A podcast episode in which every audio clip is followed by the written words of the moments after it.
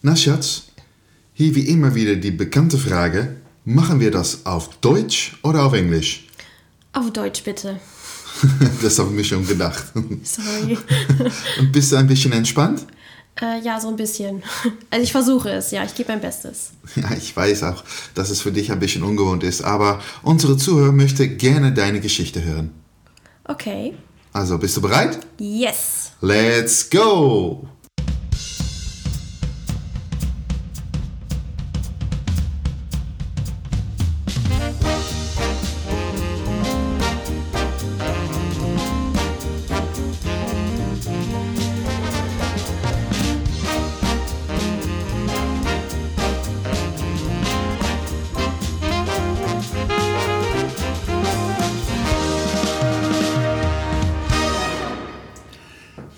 Liebe Zuhörer, herzlich willkommen bei einer neuen Folge von Pascalesk, der Podcast. Mit heute als Gast meine Partnerin Sophia Christine. Herzlich willkommen in meinem Podcast, Schatz.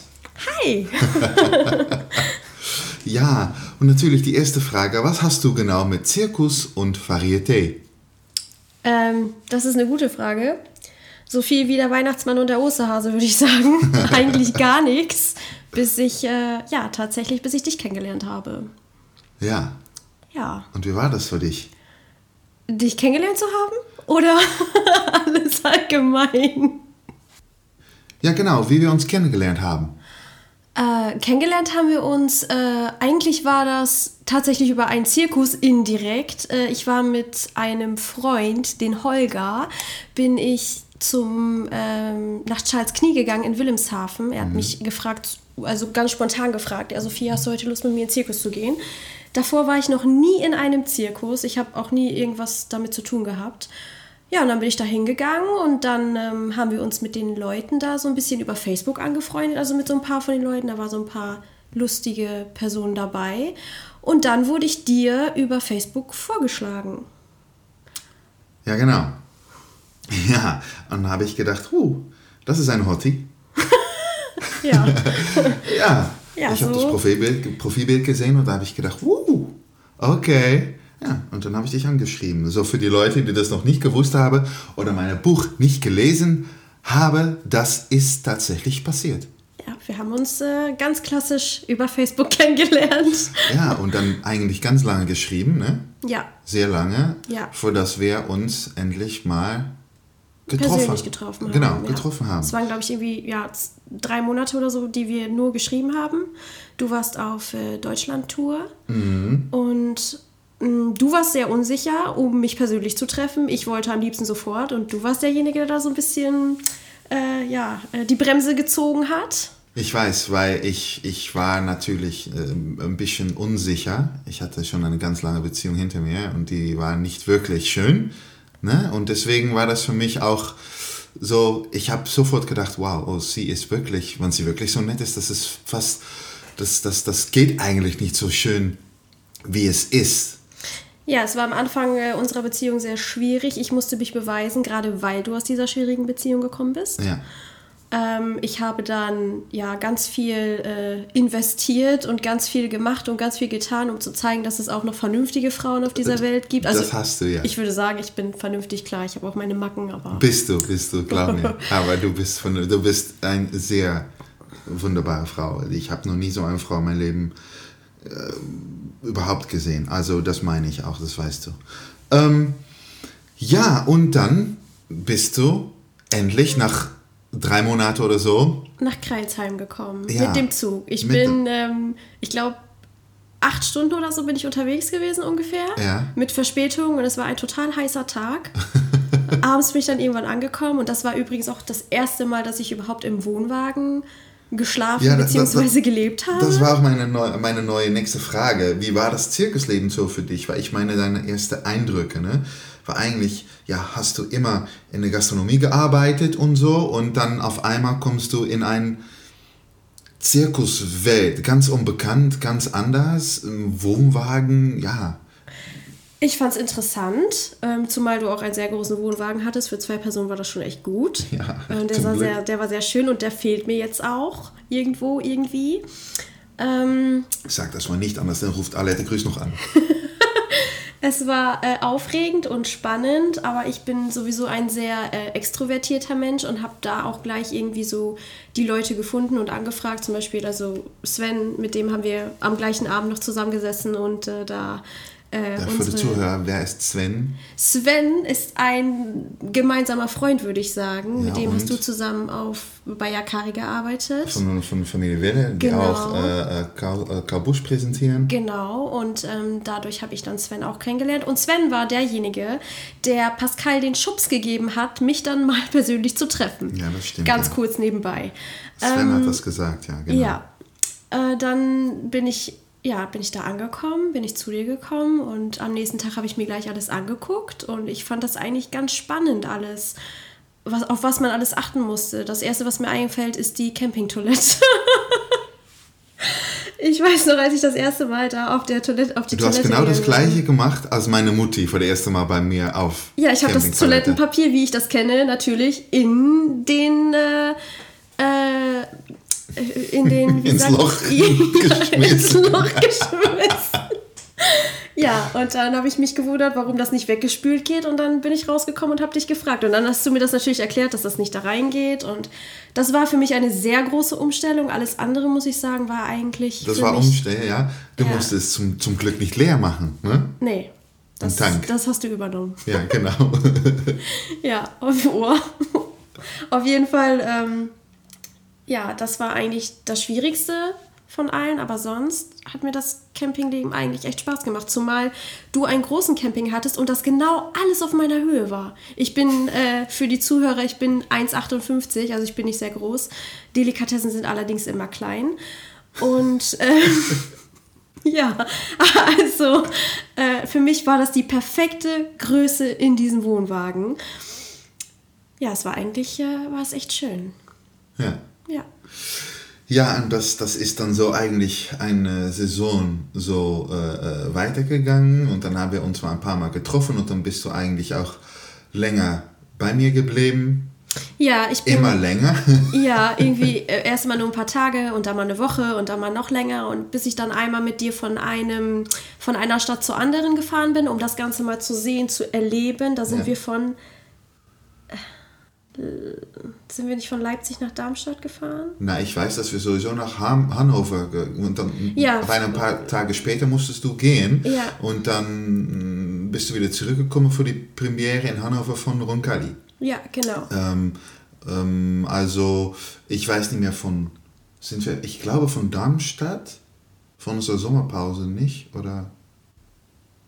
Ich weiß es nicht mehr, aber von, von Einstadt zum Hannover sowieso. Nach In Hannover, ja. nach Hannover haben wir, äh, da haben wir dann auch noch wieder stundenlang gewartet und waren wir, glaube ich, einer der Ersten. Wir waren die Ersten und, und dann, dann, haben wir den ganzen Tag gewartet, bis dann die anderen angekommen sind und dann äh, fing das dann auch so schlimm an zu regnen und äh, der Zweite war Stefan, Steffen, Steffen, Stefan Nolte. Das war in Dresden. Ja, dann war das da. Aber Hannover warst du auch. Ja. In Dresden war es aber das erste Mal, dass ich äh, mit angepackt habe, wo du so, ähm, un, also wo du ganz, ganz überrascht warst, als ich gesagt habe, so, ich möchte Strom anschließen gehen. Nein, Schatz, das war in Hannover auch. Du bist jetzt ein bisschen durcheinander. Hannover ist vor Dresden gekommen und in Dresden hast du das auch gemacht. Aber da habe ich mich wirklich gewundert. War das da echt das erste Mal da? Ja, in, in Hannover. Nach zweimal gucken hast du das gemacht. Ach so. Und das war, ähm, Weißt du nicht mehr, kennst du nicht mehr den Platz in, in Hannover? Doch, weiß ich, den großen da. Ja. Da wo dann, ja, das weiß ich. Das und weiß dann ich war Roncalli so 200 Meter weiter. Weiter, ja. Ja, ja. Ja, das war eigentlich mega, das hast du auch super gemacht, weil... Also ich bin sowieso jemand, ich lerne gerne und ich lerne schnell und ich habe mir das, wie gesagt, äh, wie du schon gesagt hast, zweimal angeguckt. Ja, nur zweimal. Ich war wirklich Echt wirklich Und die Leute, also die Männer, die dann da geguckt haben, die, die zum Beispiel die Stelle aufgebaut haben oder auch hier, ähm, äh, ich weiß gerade nicht mehr, ja, wie der heißt. Weißt du, weißt du, weißt du, was es ist? Ich habe dir auch da nochmal, ich war stolz, aber ich habe dich noch gewarnt, weil ich gesagt habe, Schatz, in Zirkus ähm, gibt es bestimmte Sachen, die machen Frauen und gibt es bestimmte Sachen, die machen Männer. Ja. Ähm, für mich egal, weil ich bin kein Zirkusmann, aber Deswegen, ich war auch stolz. Aber die anderen haben mich angeguckt, lass du wirklich deine neue Freundin jetzt alles draußen machen, so mit Elektrik und Wasser. Ja, und genau. Das war mir aber relativ egal, weil ich gerade nicht aus dieser Branche komme und dieses Klischee, dass der Mann das macht und die Frau Für das mich macht. ist auch egal, äh, aber ich wusste, dass die mich dann so, so anschauen sollten, weißt du, so, dass die dann gucken und sagen, hey, Pascal, bist du verrückt? Ja, ja, das war. Äh, also ich habe auch alles richtig gemacht, aber der Strom ging trotzdem nicht. Und warum ging der Strom nicht? Weil ich ein kaputtes Kabel dazwischen hatte, aber ich wusste nicht, dass das Kabel kaputt war.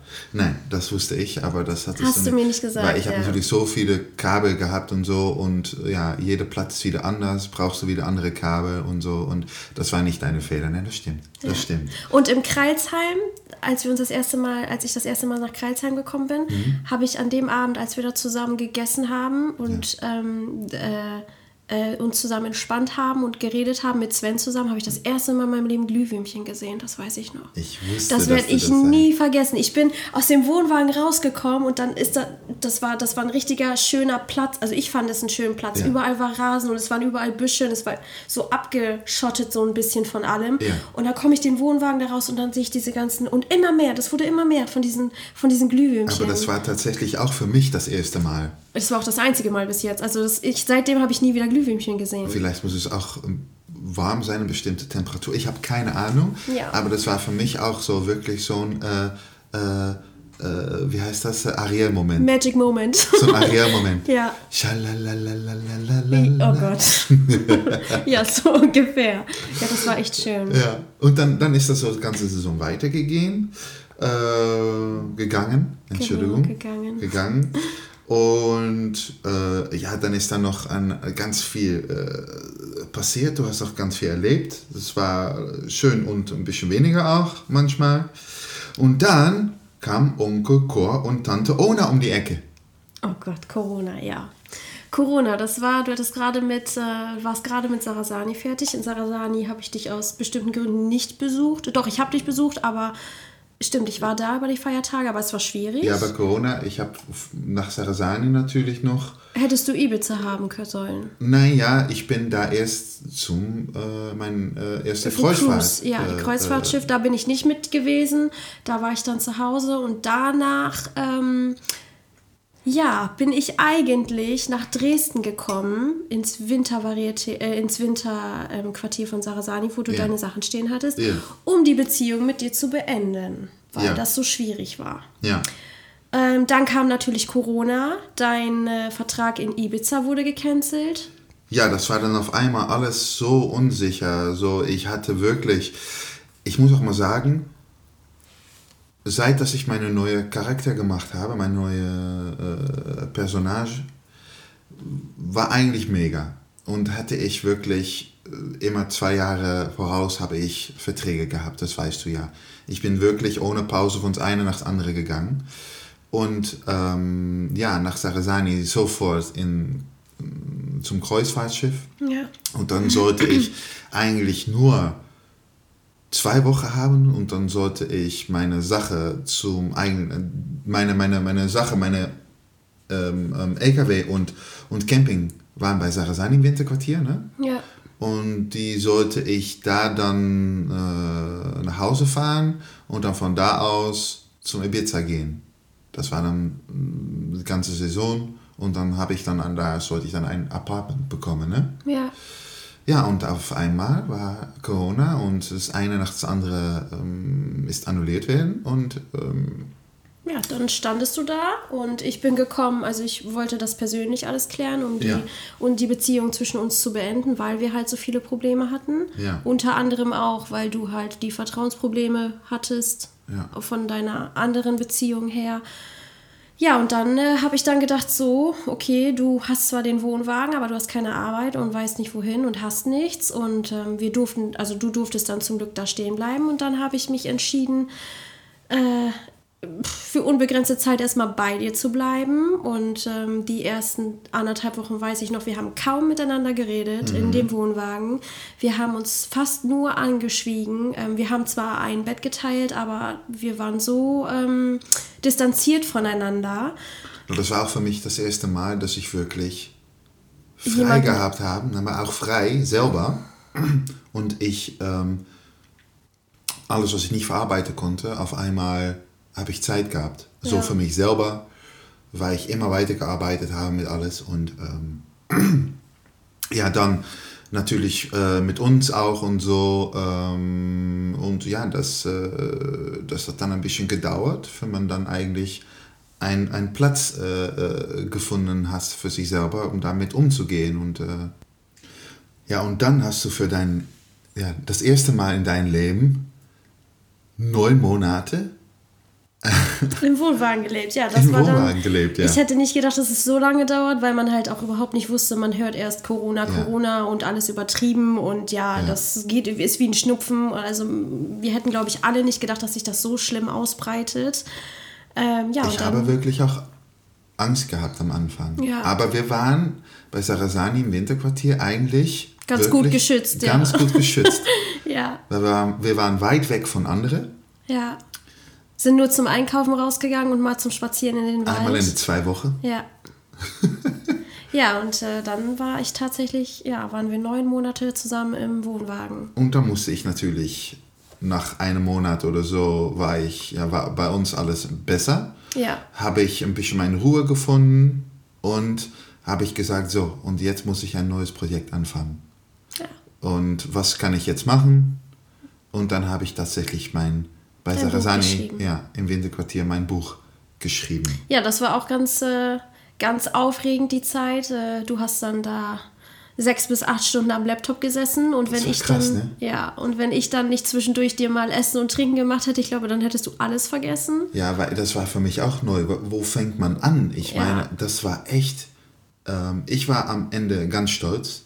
Ist vielleicht nicht das beste Buch, äh, äh, äh, das man schreiben kann. Aber du hast es selber geschrieben. Es gibt ja viele Leute, die ähm, Biografien rausbringen und schreiben lassen. Ähm, schreiben lassen, klar. Ich habe da auch meinen Respekt für, ähm, wenn da Leute ihr Leben, ihr, ihr Leben so niederschreiben. Aber du hast es selbst geschrieben. Ja, und das, und das war das, das erste Mal, dass ich überhaupt so etwas ja, gemacht habe. Also war eine große Herausforderung, aber ich bin immer von Herausforderungen und so, das weißt du ja. Äh, ja. Also äh, das war cool, das war cool und das hat dann auch geklappt und ähm, da war ich ganz stolz drauf. ja.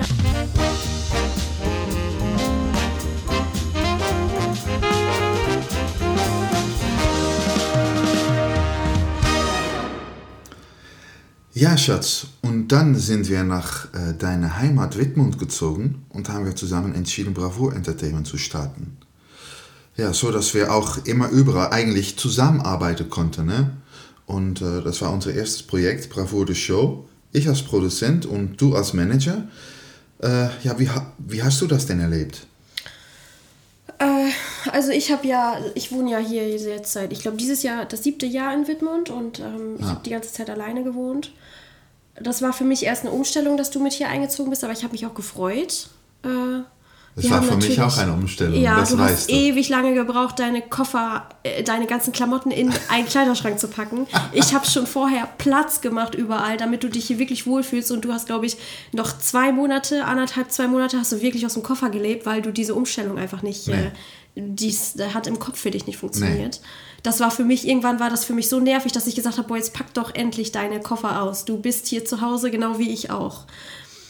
Ja, und dann äh, in der Corona-Zeit ist dann halt ähm, das äh, Bravour-Projekt entstanden. Für mich war das äh, sehr aufregend, weil das für mich dann das erste Mal war, wirklich ein Schritt in, ähm, dein, in das Showbusiness, in dein Business mit reinzumachen. Ja, Aber es hat mir auch Spaß gemacht. Am Anfang war ich sehr skeptisch und ängstlich, äh, unsicher vor allem, weil ich habe dann gleich gedacht, dass ich mit auf die Bühne soll oder sonst irgendetwas. Und da ich ein sehr äh, unsicherer Mensch bin, kann ich mir mich selber auf der Bühne nicht vorstellen. Jetzt arbeite ich doch auf der Bühne, aber im Dunkeln.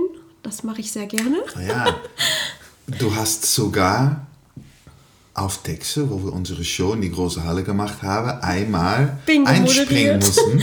Ja, das war, also das, äh, ich muss sagen, das hat Spaß gemacht. Das war schon echt Das cool. hat mir und unserem Team auch Spaß gemacht, Ja. weil ich weiß noch mit Rick, wir haben das genossen. Also da waren ähm, ganz kurz, die haben da immer äh, Bingo einmal in zweimal in der Woche haben die Bingo da gehabt. Und da waren Ferien, aber zu den Ferien, da hatte Holland noch keine Ferien, aber Deutschland. Und dann war der Anteil von den Gästen, der deutsche Anteil war höher als der holländische. Mhm. Und dann saßen die da und wir haben uns das Bingo angeguckt und die haben nichts verstanden auf Holländisch.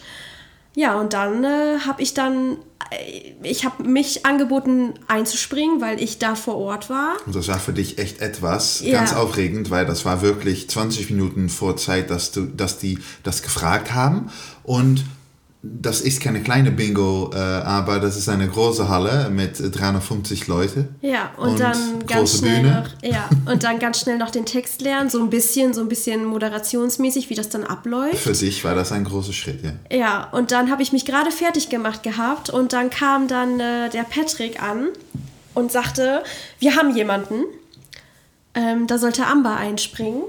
Amber war eine, die äh, gebrochen Deutsch konnte und ich war auf der einen Seite total enttäuscht, weil ich mich da irgendwie auch richtig drauf gefreut habe, das zu machen.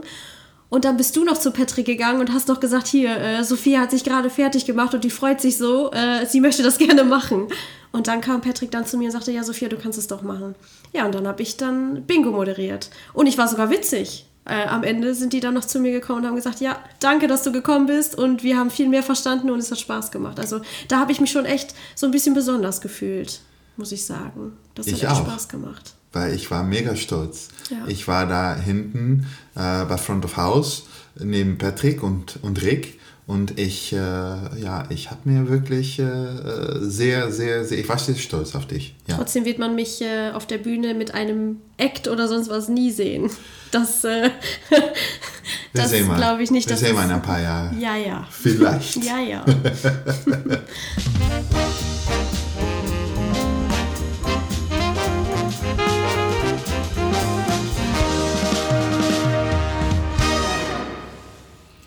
Ja, Schatz, und wir haben zusammen all die Jahre schon sehr viel erlebt. Aber was war für dich, äh, außer das Kriege von unserem Sohn, das schönste Erlebnis bis jetzt? Uh, unsere Show irgendwo war, fand ich, fand ich sehr schön, war für mich eine große Veränderung, weil ich halt wirklich mit in, äh, in dein Business mit eingestiegen bin was alles komplett neu für mich war. Ich habe die Menschen da ganz anders kennengelernt. Es gibt positive und negative Seiten, das weißt du. Du weißt, äh, wie ich darüber denke.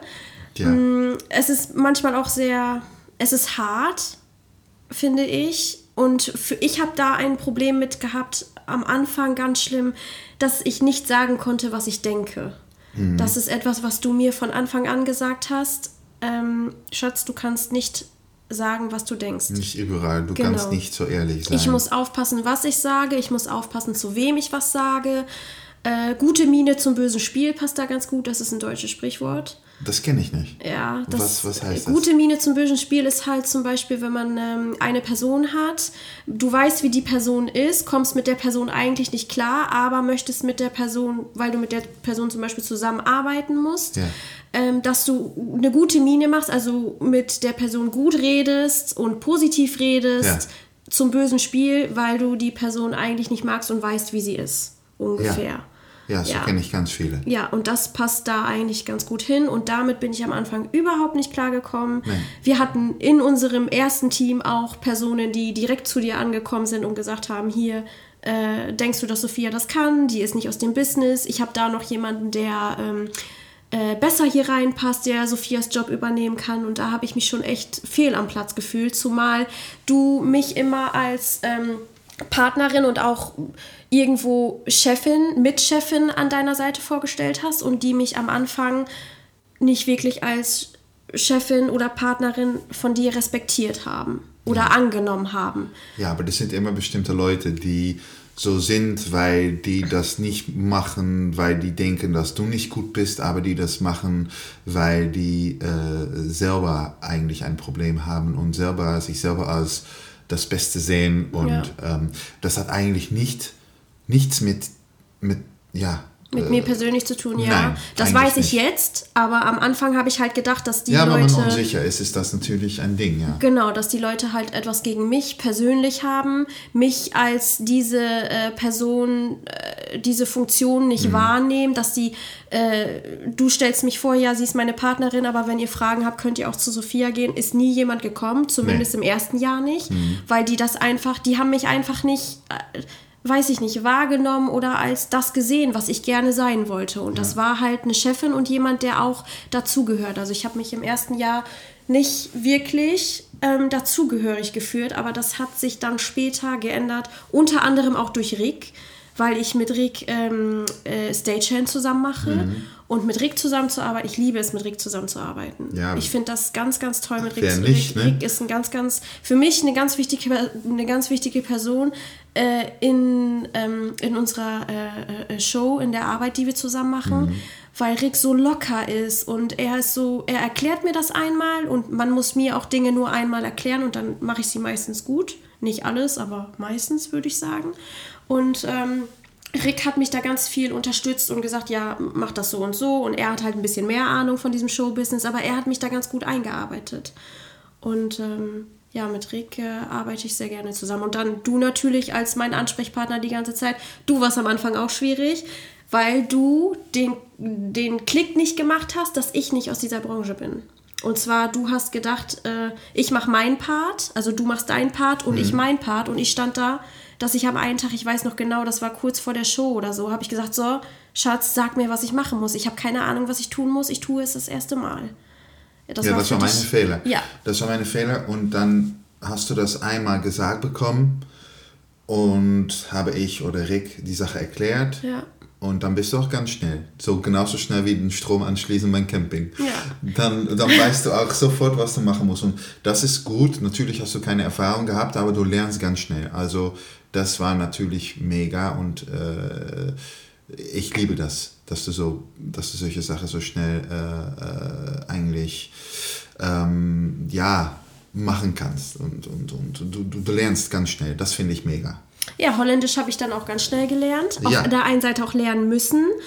Ähm, mein allererstes holländisches Wort war im Wohnwagen in den neun Monaten. Pascal und ich, äh, du und ich, Mhm. wir hatten ähm, ständig holländisches Fernsehen an. Ja. Und diese ganze holländische Werbung oder First Dates haben wir auch immer auf Holländisch geguckt. Mhm. Und mein allererstes Wort auf Holländisch war verschrecklich. Ja. Ja, ich war, also für die Deutschen heißt. Wa- Waarom hebben we dat dan eigenlijk nu op zijn Duits gedaan? Waarom hebben we dan niet gewoon op zijn Nederlands interview gedaan? Nee, omdat ik nog een beetje onzeker ben. Nou ja. Der Satzaufbau war richtig. Ja, das ist, das ist schön. also eigentlich sprechen wir ja so gut wie gar kein Holländisch. Nein. Ich habe Holländisch gelernt durch deine Telefonate, durch deine Mama. Nou, und wenn wir äh, mit Bravour arbeiten und unser Team natürlich für 80% holländisch ist, Ja, und- dass wir dann alle holländisch reden. Ja, und durch den Souvenirverkauf. Und Ich habe ja dann noch den Souvenirverkauf, Souvenirverkauf ja. gemacht und äh, ja, da sind halt viele Holländer, aber die haben immer ganz süß gelacht, wenn ich dann so auf Holländisch so Das am machen die Anfang Deutschen, geredet wenn ich rede. Ja. Ja. ja. Ja, das war, ähm, die haben das eigentlich alle ganz positiv aufgenommen und äh, viele haben dann auch gesagt, ja, ist besser, wenn man sich traut und es falsch ausspricht, als wenn man sich gar nicht traut und dann vielleicht, äh, ja, sagt, ich will es gar nicht lernen, ich mache es auf Deutsch und ähm, ja, aber ich habe relativ schnell Holländisch gelernt. Mein Vorteil ist, äh, ich wohne hier im Norden und da sprechen die Plattdeutsch und das ist ähnlich wie Holländisch und deshalb hatte ich da auch keine großen Probleme mit Holländisch zu lernen.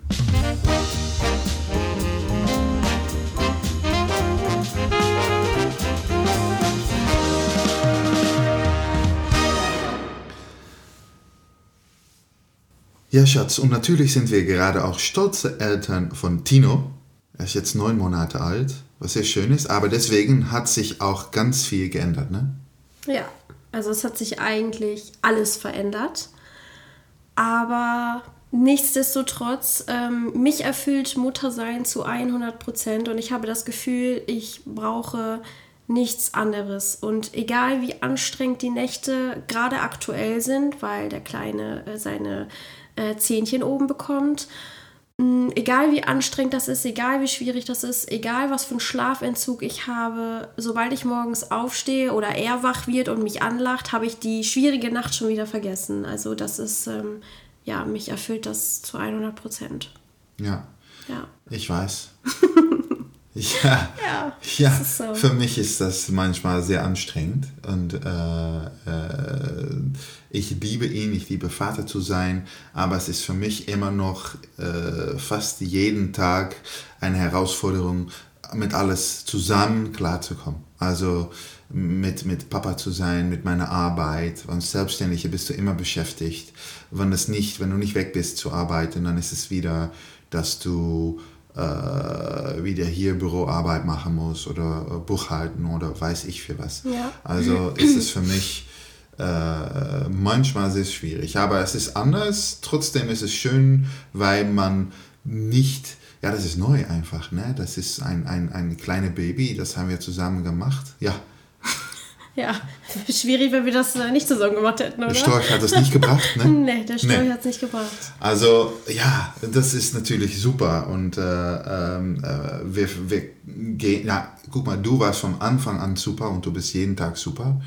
Ähm, und bei mir ja, wird das langsam. Äh, Es ist schon besser geworden als wir am Anfang, also das kann ich sagen. Ja. Am Anfang war es äh, für mich als Mutter eine Katastrophe, weil ich es halt nicht nachvollziehen konnte, warum du so denkst, wie du denkst, weil ich halt komplett anders denke. Aber ich glaube auch, dass das ähm, der Unterschied zwischen Mutter und Vater einfach ist. Das kann sein, ja. Das Ja. kann sein. Ja. Ja, Schatz, und zum Schluss, wie siehst du unsere Zukunft zusammen zum Dritt? Oh, das ist eine schwierige Frage. Ja, ich hab das Schwierigste als letzte Ja, genommen. also ähm, du weißt, dass ich äh, zwischenzeitlich mal denke, wir kriegen das nicht zusammen hin. Also alles ähm, ähm, unter einen Hut, sagt man. Weil du halt selbstständig bist und auch sehr auf deine Arbeit fixiert, fokussiert bist. Was auch gut ist, weil das Geld muss natürlich reinkommen. Ich übernehme den Hauptpart von äh, der Erziehung von Tino, was Plus auch du, ja, was auch okay ist. ja, plus du weißt, das für mich ist kein Job. Für Ja, nein, für dich ist das deine Leben. Leidenschaft, das ist Seit dein dass Leben. ich vier Jahre bin, Ja. wollte ich das. Und nach 25 Jahren professionell das gemacht zu haben, aber von meinem vierten Jahr wollte ich das schon. Das ist ein, mein Leben. Das ist äh, etwas anderes als eine äh, 9 bis 5 äh, Job. Ja. Und äh, Das weiß ich auch, das ist mir auch äh, bewusst und gerade deshalb äh, denke ich manchmal, dass, das, dass wir das nicht unter einen Hut bekommen, weil das halt, weil ich weiß, was deine Arbeit für dich bedeutet und ich würde niemals von dir verlangen und sagen, so, du gehst jetzt äh, im Supermarkt arbeiten, weil ich ganz genau weiß, dass das, ich weiß, dass du schon darüber nachgedacht hast.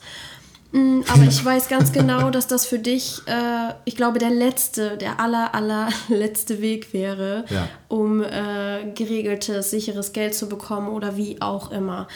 ja, Alles in allem stelle ich mir das so vor, dass äh, wir als Familie noch mehr zusammenwachsen. Dass wir natürlich, wenn Tino etwas größer ist, dass wir ihn natürlich auch mitnehmen können. Jetzt im Winter sind wir zum Beispiel zu dritt in Heidelberg Ja. bei Camilla und Flo. Da freue ich mich wirklich sehr drauf. Ich komme sehr gut mit Camilla klar. im Wintervarieté, ne? Genau. Ähm, Camilla ist mir sehr, sehr ans und ins Herz gewachsen. Äh, da freue ich mich richtig drauf. Da können wir Tino dann auch mitnehmen. Ähm, plus, äh, du weißt ja, äh, ich möchte noch ein Geschwisterchen für Tino. äh, ja, und da müssen wir mal gucken. Ich wünsche mir einfach, dass wir als Familie noch mehr zusammenwachsen dass wir das äh, alles zusammen hinbekommen, dass du deine Arbeit weitermachen kannst, soweit es geht, aber dass du auch äh, dich am Familienleben mehr einbringst, mehr beteiligst, einfach mehr, mehr präsent bist, würde ich sagen. Ja. Kriegen wir hin. Ja, ich denke auch.